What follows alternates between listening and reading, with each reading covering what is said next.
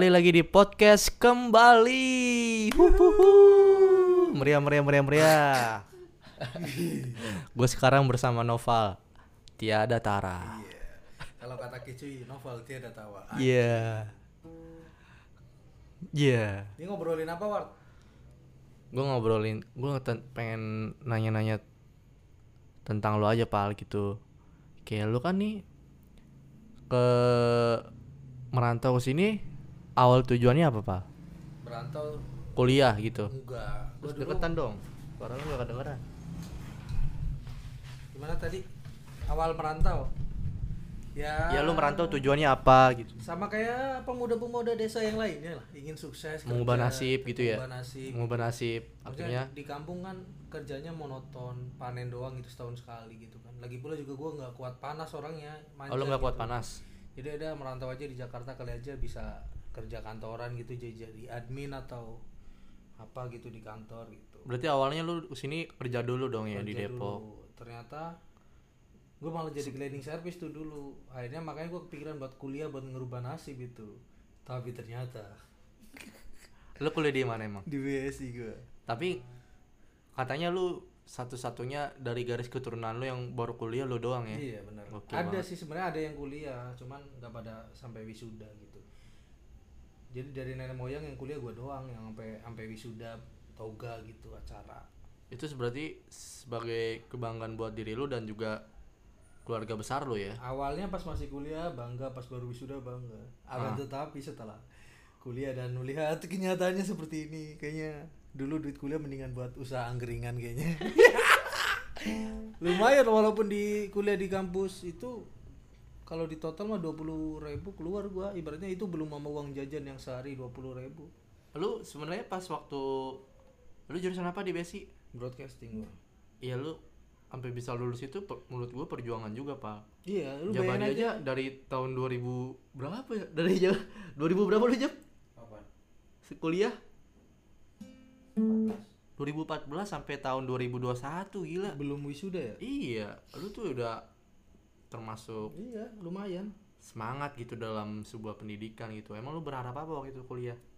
Jadi Ya, orang TV itu gitu ya. dari kampung kan gua pengen kerja kantoran ya ternyata setelah gua ngelamar-ngelamar kerja kantoran tuh minimal banget tuh D1 D2 D3 lah gitu paling aman paling aman sih benar S1 gitu makanya wah kayaknya kalau gua tamatan SMA doang pengen kerja kantoran di gedung-gedung tinggi nggak bisa kayaknya gua gitu. Akhirnya ya udahlah gua dari duit cleaning service ada sedikit bagian juga dari orang tua gua Oh, almarhum lu bisa ah yang aja lah besarnya di kampung terus punya mindset kayak gitu lu ngelihat siapa? Apa atau kepikiran apa tiba-tiba ah gua mau kuliah gitu. Di sinetron sih oh lu ngeliatnya sinetron? Lihat sinetron kayaknya oh sinetron. Kerja keren ngerantau gitu kan. Bawa koper gitu ya. Ya, berharap ketemu ada yang nawarin orang kaya baik gitu ya. Ayo Iya. kayak kerja sama saya aja. Kamu jujur kamu rajin gitu ya. Intinya dulu tamat tamat kuliah ternyata di kafe. Aduh, itu gua buat cewek-cewek jam tamat kuliah ya intinya kerja kantoran gitu. Ta- tapi sebenarnya gua keganggu sama stand up juga sih dulu sebelum nah lu bisa kenal stand up tuh gimana? Ceritanya apa lu udah tahu dari ru- dari kampung udah tahu Hmm. stand up apa baru di, di rantau kampung di Depok? di kampung dulu tuh pas SMA kelas 3 2012 tuh kayaknya lagi boomingnya stand up tuh Dodit kayaknya kalau nggak salah. Gua nonton Dodit tuh di YouTube dulu. Kalau di SMA gua ada wifi dulu kan. Hmm. wah wah ini kayaknya gue bisa nih. Dulu suka ngelucu gue di depan kelas gitu. Kayak Suka- misalnya di guru lagi Iya, ngajar guru terus lagi lu nyeletuk gitu. Kagak kalau guru lagi nggak ada gue bercanda-bercanda gitu kan. Bercandanya gimana? Nyolek pundak temen lo yang di depan. Enggak. Ya biasa ngejok-ngejok ringan gitu kayak ngabodor lah kalau kata orang Sunda kan gue sekolah Sunda ya Oh, lu orang. Sunda? enggak sekolahnya di tempat Sunda gitu. oh oh, gue kayaknya bisa nih kayak gini gitu tapi gue udah lupakan kan eh pas kuliah gue ketemu sama Bella tuh Bella cerita lu Oh. stand up aja nih di Juliet Cafe oh berarti Bella adalah orang pertama yang Rekomendasi. jalan lu ke stand up gitu Re- ya? iya rekomendasi kayak lu ikut aja tuh sama cowok gue kicuy gitu stand up aja gue bilang ah gue kan dari kampung gue dulu nongkrong di kafe tuh kayaknya sesuatu hal yang elit banget kayak gue takut nggak punya duit terus bingung cara bayarnya gue Hmm. nanya ke Bella. Ah takut ah Bel? Bella semangat nggak apa-apa pal orang gue aja jarang jajan kok. Nongkrong nongkrong aja nggak apa-apa ikut stand up yang lainnya juga sama kok kayak gitu. Gue nggak berani nggak berani. Sampai akhirnya gue pas TA pas hampir mau TA gue ini. Beranikan untuk open mic pertama mau, kali? mau bikin film pendek. Mau bikin film pendek. casting dapat tuh Dani Beler gua lihat profilnya dia stand up komedian gitu. Ya udah cocok di situ gua ngobrol-ngobrol stand up gimana sih? Terus dia rekomendasi lu stand up aja bang di Coffee Toffee gitu kata Dani Beler ada stand up dia di Coffee Toffee. Oh itu tuh janjian. Pas hari pas janjian pertama Dani Beler nggak datang gue dia nggak datang nggak datang juga tuh takut. kenapa tuh Denny Beller? Pertama kali ngedatang M- mungkin ada acara terus keduanya gue nge DM eh bukan nge DM mention di Twitter tuh. Ketuanya masih Ricky Watimena bang ada open mic nggak? Kagak lagi apa namanya lagi Libur. dukung Arafah final Suca tuh waktu itu. Oh iya gue padahal udah di Coffee Toffee kata gue kok nggak ada nggak ada apa ada orang nggak ada gitu ya? orang nggak ada sona nggak ada apa gitu. Gue nanya waitersnya suruh whatsapp aja admin stand up Depoknya. Gue whatsapp aja tuh bang Ricky dulu tuh.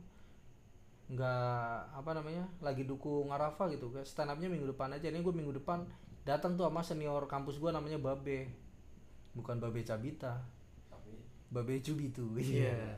ada namanya Babe tuh. Ini gue stand up pertama kali tuh ke situ. Minggu keduanya baru sama Dani Beler. Udah gitu gue langsung minta dikomentarin dan gimana penampilan gue anjing. Ya tentu saja buruk anjing. Tapi dia mensupport. Nggak apa-apa bang. Yang penting lu berani naik dulu semua komik pertamanya kayak gitu gitu. Ingat banget tuh gue jemput Dani Beler tuh Lu naik Vespa di stasiun Depok Baru waktu lu ngerasain itu lu ngerasanya pe- pecah apa lucu apa gimana apa lu cuma naik aja terus lu merasa puas karena lu udah berani puas gue pertama puas berani sama dapat sedikit ketawa oh di situ berarti lu merasa puas gitu ya. Gue inget banget tuh, lu juga di present sama MC-nya Ipin waktu itu. Hmm. Ini dia komik yang katanya keberatan nama, dia miskin tapi namanya nama orang kaya, kita panggil aja Edward gitu. Itu masuk masuk alam sadar gua yang mana oh iya ini itu namanya Oh. Edward gitu. Terus sama yang pakai celana pendek mulu Rudi itu selalu terngiang gitu. Rudi pertama-tama kenalan sama gua ngakunya dia orang Kuningan anjir. lu bukan pertama kali Gua kan langsung so asik. ah Bang lu orang mana bang? Kuningan gitu. Bagi WhatsApp lu dong, ah buat apaan tuh terus itu aja tuh minta gitu. Akhirnya gua nggak punya adab gitu dulu, baru kenal minta WhatsApp gitu. ah Tapi jujur orang yang paling humble stand up Depok tuh Ipin menurut gua sang- sangat merangkul gitu. Ipin sangat merangkul Yo hal apa yang Ipin lakuin ke lu sampai lu bisa bilang merangkul Ya dipintain nomor WhatsApp langsung ngasih terus Ah. chat-chatannya, oh udah besok datang lagi gitu gitu. Stand up nggak apa-apa, keren keren lu keren, gue lu keren gitu. Ajak kata temen- dia lu keren gitu Iya, ajak teman-teman kampus lu gitu-gitu. Ternyata si Ipin juga teman kampus gue juga, temannya si Filosofia. Udah udah cocok. Oh lu temennya si ini, oh iya, Hmm. oh lu temennya si ini gitu. lu punya beat pertama kali lu apa bukan yang roasting Bang Rante waktu itu iya, iya. apa itu yang kedua kayaknya yang kedua deh Kedua kayaknya, yang yang pertama. kedua lu bawa masa lu kan dari BSI yang sampai lu pede banget tuh Iya, bawa kamera. tapi pada Materi- saat itu pecah sih pak materi pertama gue karena gue kuliah di kampus yang sangat tidak eh, kampus yang sangat tidak terkenal ya inisialnya BSI gitu hmm. gue di, gue dikomentarin tuh sama penonton wah kayak Cing Abdel lo cara stand upnya gitu oh lu upload video lu ke Upload, YouTube? up- enggak di Instagram atau di Facebook ya? Di YouTube juga ada gue lihat yang Iya. kata Noval Aditya merosting Ranti Hari Suca Ranti. 2 iya. itu pasti gue dulu belum masuk grup itu langsung masuk ke gosip-gosip grup ya anjing ya? Iya lu dibilangnya aneh gitu orang Jawa. Ya anjing. Gue udah Bilang feeling gitu. tuh. Gue udah ngejabripin mulu pin. Kapan gue dimasukin grup? Ntar dua dua kali lagi stand up gitu, gitu. lu nanya gitu? Iya gue jabri jabri Ah, yang baru masuk gue langsung di kick mulu tuh sama Dewa. Lu emang uh, alasan lu bisa balik lagi untuk stand up apa tuh pak? Lu merasakan apa uh, sampai minggu Rabu depannya tuh datang lagi gitu? Kayak seru aja. Pertamanya sih gue nggak nggak pengen banget gak kayak nggak bukan buat profesi kayak sebenarnya tuh gue dulu nunggu wisuda. Lu nunggu wisuda kayak iya nggak ada kayak kegiatan si- terus? sidang sidang gue udah kelar. Ah nunggu wisuda sambil ambil stand up lah. Ternyata asik terus Ah, gitu ah. Iya terus pertama kali dapet job gue tuh dari luar yang tujuh puluh lima ribu tuh diisip. Oh iya Gue, ngebom ya? gue lu iya gue lu gua Rudi ke Medan. Gue lu tolol. Randy ya kan? Randy masih miskin tuh dulu pakai celana jogger. Gue lu Randy ya kan? Naik masih sih itu job pertama lu pak? Job pertama gue tuh nasi nasi kotak sama duit tujuh puluh lima ribu ya. Lu itu udah narik grab belum? Udah ya? Udah. Udah gue narik grab tuh dari 2015 eh belum belum narik grab Bart apa udah Masa ya? sih? gue masih naik Vespa belum gue masih naik Vespa itu. Nah, terus lu dapet sehari-hari lu buat biaya kuliah segala macem tuh dari mana? Gue kan ini dibantuin bude gue di warung dulu masih dap- dikasih lah buat Oh. jajan-jajan sama ini ya? Meres anak sekolah. Waduh. Jualan ketombe sih waktu itu. Aduh, waduh. tapi waktu itu gue jujur kayak gue gue nggak nyangka kok Edward bisa ngasih kepercayaan ke gue ngasih job gitu di kampus lagi gitu Ya karena siapa lagi anak baru yang mau nerima tujuh puluh lima ribu? oh gitu aja kata gue Gak mungkin gua ajak Adit nganga kan. gue kira Sebenarnya itu nggak tahu ya gua karena waktu itu gua nggak pede. Sebenarnya itu job cuma buat gue sendiri pal. Jadi gue Oh. pecah berempat. Eh benar ternyata gue yang ngebom anjing gua. anjing gue kira standar gue ada standar ngejob di kampus nih anjing gue waktu itu jadi semangat gue stand up akhirnya gue tunda lagi tuh padahal gue udah yang lu tunda? Gue tunda lagi buat keluar dari stand up. Tadinya gue udah mau keluar stand up Depok udah keluar aja lah gue mau fokus nyari kerja. Oh. kata gue antar aja lah abis POC gue waktu itu ikut POC kan inget banget. Hmm. abis POC antar lagi antar lagi antar lagi ah gitu. Lama-lama sampai sekarang kayak ngelamar kerja.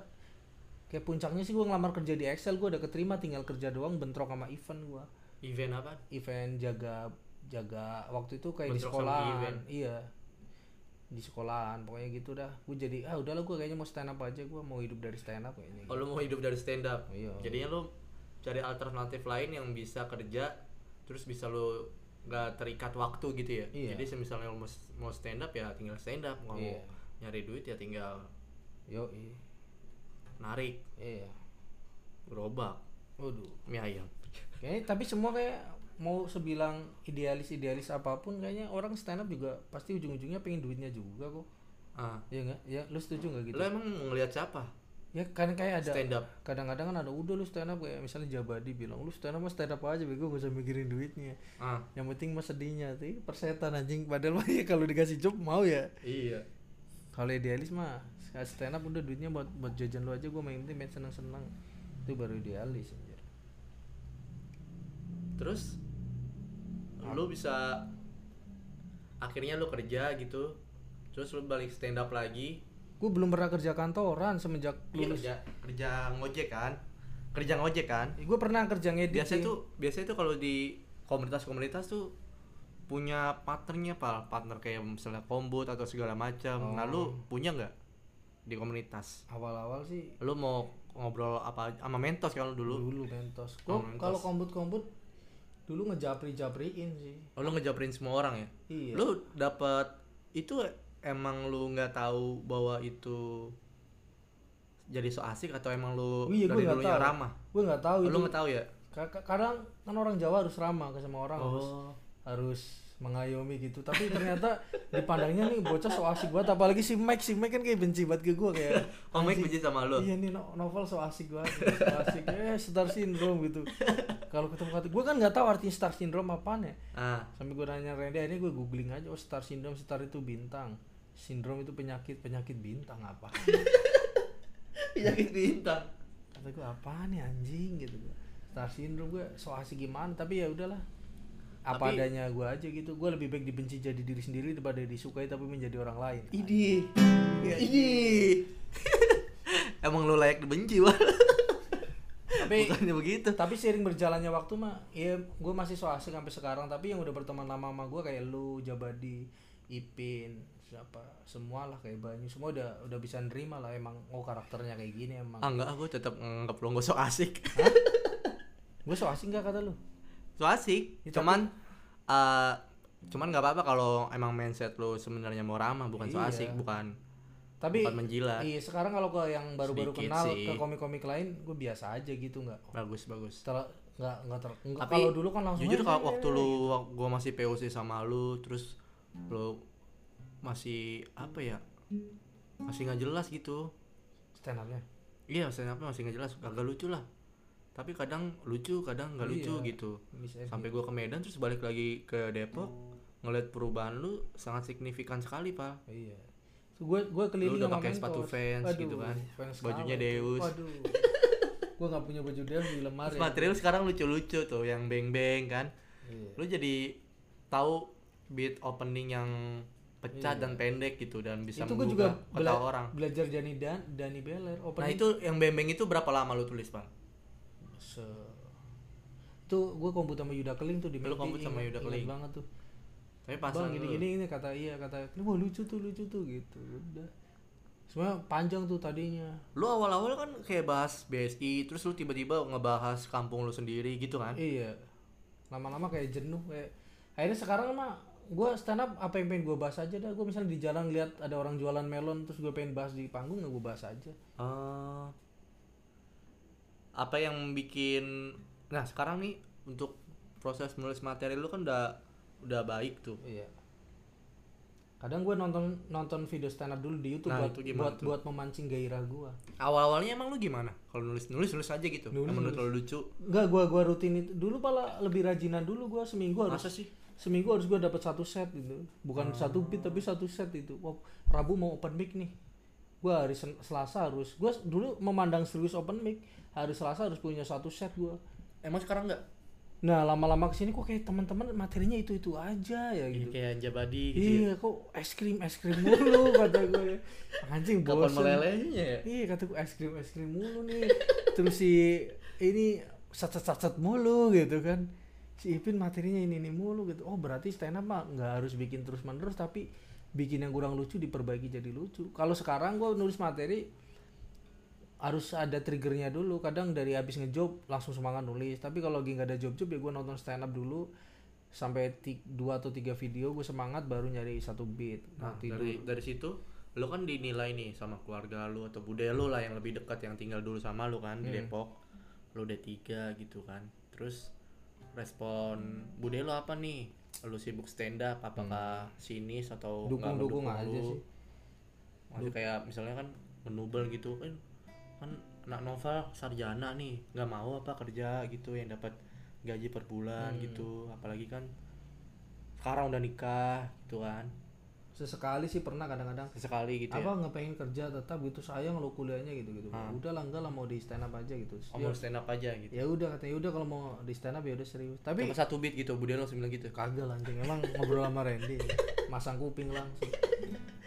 Cuman kalau secara ini keluarga besar gue justru kayak gue malu kalau mengaku ke di, ke keluarga besar gue stand up apalagi keluarga dari bokap gitu. Gue makanya jarang masang flyer stand up di WhatsApp status WhatsApp jarang gue sering-seringnya ya di Instagram karena keluarga gue nggak jarang banget yang berteman gua, sama gue di Instagram. Tapi saudara lo main Tinder? Ada satu. Ada. waduh. Gue kayak kadang nanya anak-anak pak lu kenapa nggak promo di WhatsApp? Kayak gue menyembunyikan diri biar gue pengen orang keluarga besar gue tahu gue stand up setelah gue bener-bener iya bener-bener lucu lah gitu. Kalau masih kayak Hah? kalau masih kayak receh-receh kayak gini kayak malu sendiri gitu. Oh. ntar aja ngojek ngojek kadang dipandang rendah kan ngojek gitu tapi ngojek penghasilannya gede loh. Segede apa? Kalau nemu dompet di jalan. Iya. nanya Eh, panggung terbaik lu? Itu kapan pal? Dan di mana? Dan acara apa gitu? Oh, apakah kayak kayaknya di Sun yang di Sun. Pesona Square deh. Sun di Pesona Square apa yang di Geraha Cita sebenarnya gue pecah ya katanya. Yang lu nggak ada kan di situ kan. Mhm.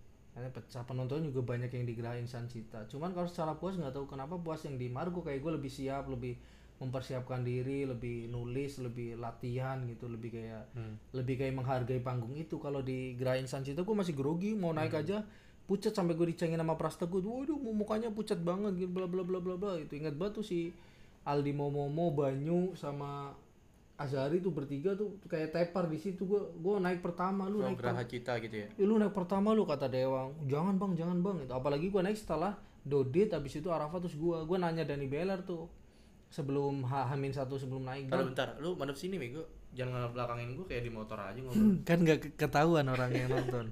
Terus terus? Dan gua naik setelah setelah apa Dodit sama Rafa triknya gimana ya? Biar gua nggak grogi gitu lu menjauh dari panggung jangan jangan sampai satu materi pun lu denger dari Dodit dan Rafa gitu. Jadi lu lu fokus sama materi lu sendiri. fokus sama materi lu. Seolah-olah lu nggak tahu si Dodit habis tampil si Arafa habis tampil gitu. Hmm. jadi bener-bener gue malam itu nggak tahu tuh si Arafa ngebahas apa aja si Dodit ngebahas Nah, apa aja pas tahu. selama giliran itu gue menjauh gue menjauh pokoknya ke ke ini Klaten. ke dalam ini sih. Apa? Mulutnya Andi Gurai iya. Gue ngumpet ngumpet kan gue bilang ke anak ntar kalau gue bentar lagi naik panggil lah gitu. Panggil gue naik ya udah seolah-olah kayak gue nggak tahu Arafa tadi sepecah apa Dodit sepecah apa. Jadi gue eh ternyata panggungnya masih panas war. Jadi yang gue pikiran gue tadinya Dodit pecah Rafa pecah pasti penonton di- ibaratnya kayak lu dikasih sate rendang tiba-tiba gue masuk pecel Madiun anjing misalnya atau apa apa gitu kan. Nasi sama kerupuk doang ah nggak enak nih makanannya gitu. Hmm, ternyata pas gua naik masih ada sisa-sisa daging di panggung jadi masih pecah gitu gua juga nggak nyangka anjing gua kepecah ya sampai turun nah itu ketawa yang dodit kali masih masih ninggalin kali Oh, berarti penontonnya udah udah siap untuk ketawa gitu kan. iya udah siap untuk ketawa di tengah-tengah baru kayak gini anjir Di tengah-tengah emang turun tuh flow-nya. turun banget anjir Pas giliran siapa emang? Siapa? Itu yang di Geraha kan? iya Hmm. Lu nonton gak sampai habis? nonton gua nonton Ya lu liat siapa flow-nya sampai turun? Tulus. kagak tulis pecah siapa ya dulu ya ada lah Apa pokoknya sebutin aja. Ya kan lu opini lu aja bukan fakta. ya bibul sih waktu itu agak Bibul. kurang sih agak kurang kasihan gitu soalnya abis abis siapa penonton udah capek capek ketawa juga sama Capek dengan materi bibul. kagak materinya bagus dia sebenarnya materi yang pecah openingnya tuh gue ingat banget bibul naik ke panggung bawa kunci motor gitu Terus ngapain? Ini kunci siapa lagi? iya pokoknya pancelannya nih kuncinya ada sama gue gitu gitulah gue lupa yang gimana aja materinya coba Dia waktu itu naik gak? naik Gak naik dia. lu di Geraha Insan Cita naik ya coba Kagak. Gak naik. oh nggak naik ya dia Oh itu menurut lu eh panggung terbaik lu yang di Pesona Square Pesona kan? Square yang malah Pesona gua- Square itu kenapa lu bisa lu bilang terbaik? kan gue lebih siap ya segala macam gue udah gue gue bakal nakluk ini penonton penonton ini lu udah gitu. dengan mindset di otak iya gue sebelum gue naik panggung iya begitu. gue pasti pecah gue pasti pecah nih gue naik abis lu ya Jeb ya Ini mana sih? di Gra- yang kalau di Pesona Square gue naik abis Jabadi Sun. iya Iya kali. Jabadi turun gue naik apa kan Dias pertama abis Dias Jabadi abis Jabadi gue Berarti lu di Geraha Cita itu pengalaman pertama kali ya? Lu ngeliat Sun kayak gimana sih dulu, Pak? Pas komik-komik baru nih, terus lu ada nama lu di Sun. Lu pertama kali pernah ngeliat pernah iya datang di Sun 5 di UI sebelumnya kan? iya. yang ngeliat gua ya ngebom, kayak panggung-panggung ngejob aja kayak event-event besar gitu event besar komunitas gitu ya. Iya gue udah sering-sering ngobrol kan katanya Sun apa sih itu, itu stand up night gitu istilahnya wisudanya komik. Ah. Kalau komik udah pernah naik Sun itu berarti udah sah disebut komika gitu. Oh. Kata siapa? Gue googling googling terus baca di buku Ramon Papana ada sumpah di kitab suci. Ah. Komika bisa disebut komika setelah dia naik Sun itu. Oh, Kalau nggak salah koreksi aja cari aja di kitab sucinya Ramon Papana. Gue pertama belajar stand up beli buku ya Ramon Papana karena nggak tahu gitu. Emang lu beli buku? Sampai beli buku? Beli buku gue. Kalau sekarang lebih baik beli buku pecahkan lah yang agak mahalan dikit gitu. Ah. Kalau gue dulu referensinya udah Ramon Papana doang. Cuman gue lihat stand upnya Pak Ramon kok nggak ada gitu. Dulu kan video stand up masih kurang banget ya Bart ya? Ah. Di YouTube kalau sekarang kan kita ngetik apa aja ada. Bahkan yang belum masuk TV pun. Banyak orang-orang yang stand up itu gampang sebenarnya referensi. Nah setelah lu stand up di Sun tuh ada panggung terburuk lo nggak pak? Yang bikin Ada lo kayaknya. down, kadang mikir. Kayak anjing gue nggak mau stand up apa, lagi lah. Apa awal-awal? Apa gimana? Pas last Sun ntar gue di mana ya ngejob itu? ngejob di mana? Anjing kayaknya gue nggak mau gue kayaknya nggak mau stand up lagi dah. Ngebom se ngebom ngebomnya. Kemeng. Apaan coba itu? Ngelan tikus ya? Iya. Bat, diam dulu bat gua. Panggil dulu. Menggila diri mulu. Itu keluarin dulu Jap. Jabadi mau ngapain? Kucingnya kena perangkap tikus. Goblok, goblok. No. Kena perangkap tikus awak. Tikus? Ah, Diminyakin pakai minyak goreng. Pakai minyak kapan? Goreng. Nempel. Nah tadi panggung terburuk lu pak. Gue lupa tapi ada gue ngebom banget gitu naik. Sat, nggak ada yang ketawa. Naik sat. Itu pas kapan? Pas kapan? Job di Ngejob corporate kayaknya gue. Tapi lupa lokasinya di mana. Yang sama Kicoy, Sama kecuy di mana ya? Rio. Enggak itu mah biasa. Baru-baru ya? Enggak enggak enggak ngebom banget. Di mana waktu itu? Lu ngejob sendiri apa gimana? Gue gue gue nggak pernah kalau job sendiri nggak pernah mau gue takut. Masa sih? Eh pernah sih gue ngejob sendiri di UP. Di UP pernah kan lu ngejob sendiri? Pernah. Lu tahu? Yang waktu lu di pengen dibantai sama alumni UP kan? Anjing kagak bego. Iya kan? 300 gue ambil, ambil sendiri anjir. Iya yang hotel mau diberantemin di sama alumni sama kakak kelasnya mahasiswa UP kan? Padahal lu mah udah lulus, udah tua banget lah. Anjing kagak. Kalau yang di UP dua kali gue pertama yang sama Viko rame-rame sama Viko sama Rudi sama Ipin sama Iya sama Jabadi deh. Ya tar dulu ini dulu nih yang panggung terburuk itu lu ngerasain apa emang di situ? ngebom gua ngejok Ngebom set. seadanya iya gitu. gak kena Lu masih ingat raut-raut muka penonton? Yang In- terus gue ingat kata Mo Sidik di Suca pas dia ngeju pas dia jadi mentor pokoknya kalau lu pecah sampai jam 10 pagi lupakan. Kalau lu ngebom juga sampai jam 10 pagi lupakan gitu. Gitu istilahnya. Terus gue pernah denger yang Viko brother konser yang masalah Vicky takut ngebom gitu. Viko kan motivasi. Kalau lu lu ngebom pun tidak bakal merubah dunia. Kalau lu pecah sepecah-pecahnya pun nggak bakal merubah dunia gitu. Jadi apa yang apa yang akan lu takutkan gitu. Oh. Iya kan Viko pernah Viko- bilang gitu Viko ya? bilang gitu emang. Iya pas yang di brother konser dia kan cerita di panggung. Vicky takut ngebom gitu bla bla bla bla bla. Sebelum di best stage kan? Eh di udah best stage kan? udah di panggung. Udah di panggung. Udah. Maksud gua kenapa takut gitu? Ini kan dunia nih Indonesia. Ini UI ini UI itu sebagian kecil sebagian kecil banget dari dunia lu Iya, ngebom di sini lu nggak lucu pun nggak bakal merubah isi dunia. Iya benar benar benar. Udah sih kok motivasi kata gua.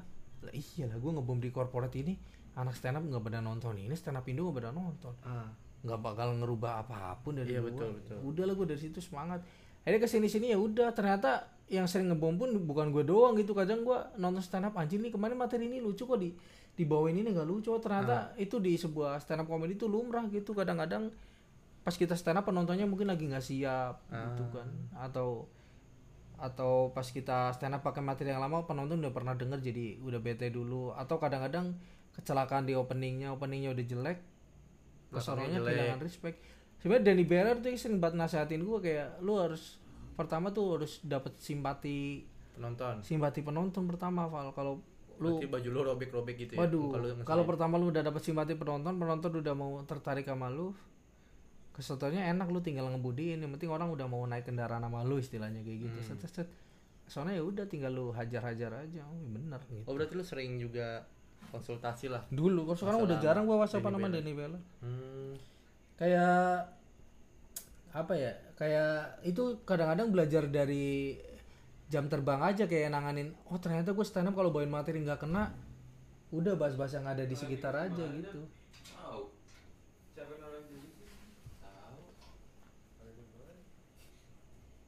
bahas-bahas di sekitar aja gitu kayak kayak pokoknya kalau gua ngejob nih stand up badadada ba- bawain materi.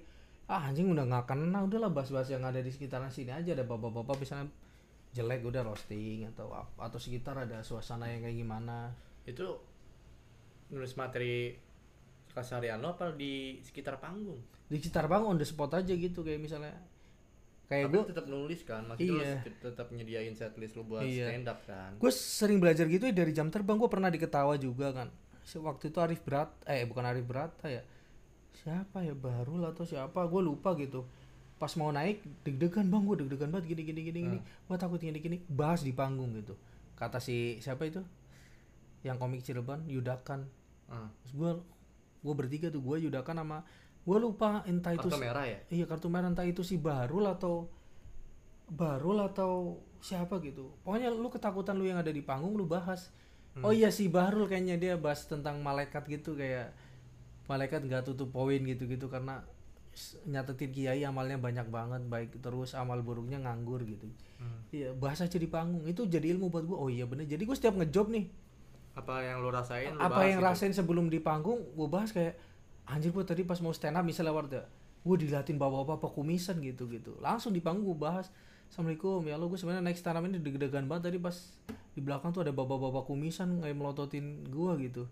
Udah mau pulang nih bapak-bapaknya ada di sini nggak ya? Gitu kalau ada saya mau turun lagi nih mau pulang aja gitu. Kadang dapat ketawa oh iya bener apa yang lu takutkan di panggung sebelum di panggung bawa aja dibahas aja gitu. Jadi lu lu iyain aja gitu apa Iya. yang lu rasain ya? satu Oh, ilmu bagus itu. sama gue pernah dapet ilmu juga dari bang Heri gue pernah ngejob di Jaksel tuh final Liga Champion. Dulu puasa tahun lalu abis bukber di rumah Viko ngejob di Jaksel berdua doang sama bang Heri. Crowdnya udah aduh ampun ampunan ini jadi nggak sesuai ekspektasi ekspektasi gue nobar ya penontonnya orang penonton nonton bola gitu Ward. Hmm. ternyata nobarnya tuh jam 2 malam gue disuruh stand up jam 12 malam. Penontonnya masih bapak-bapak sama panitia yang nyiap nyiapin acara. Kata bang Heri udah bal ngeluh aja dah ngeluh dah. Sumpah kalau ngeluh pasti pecah. Udah gue naik ngeluh ngeluh ngeluh.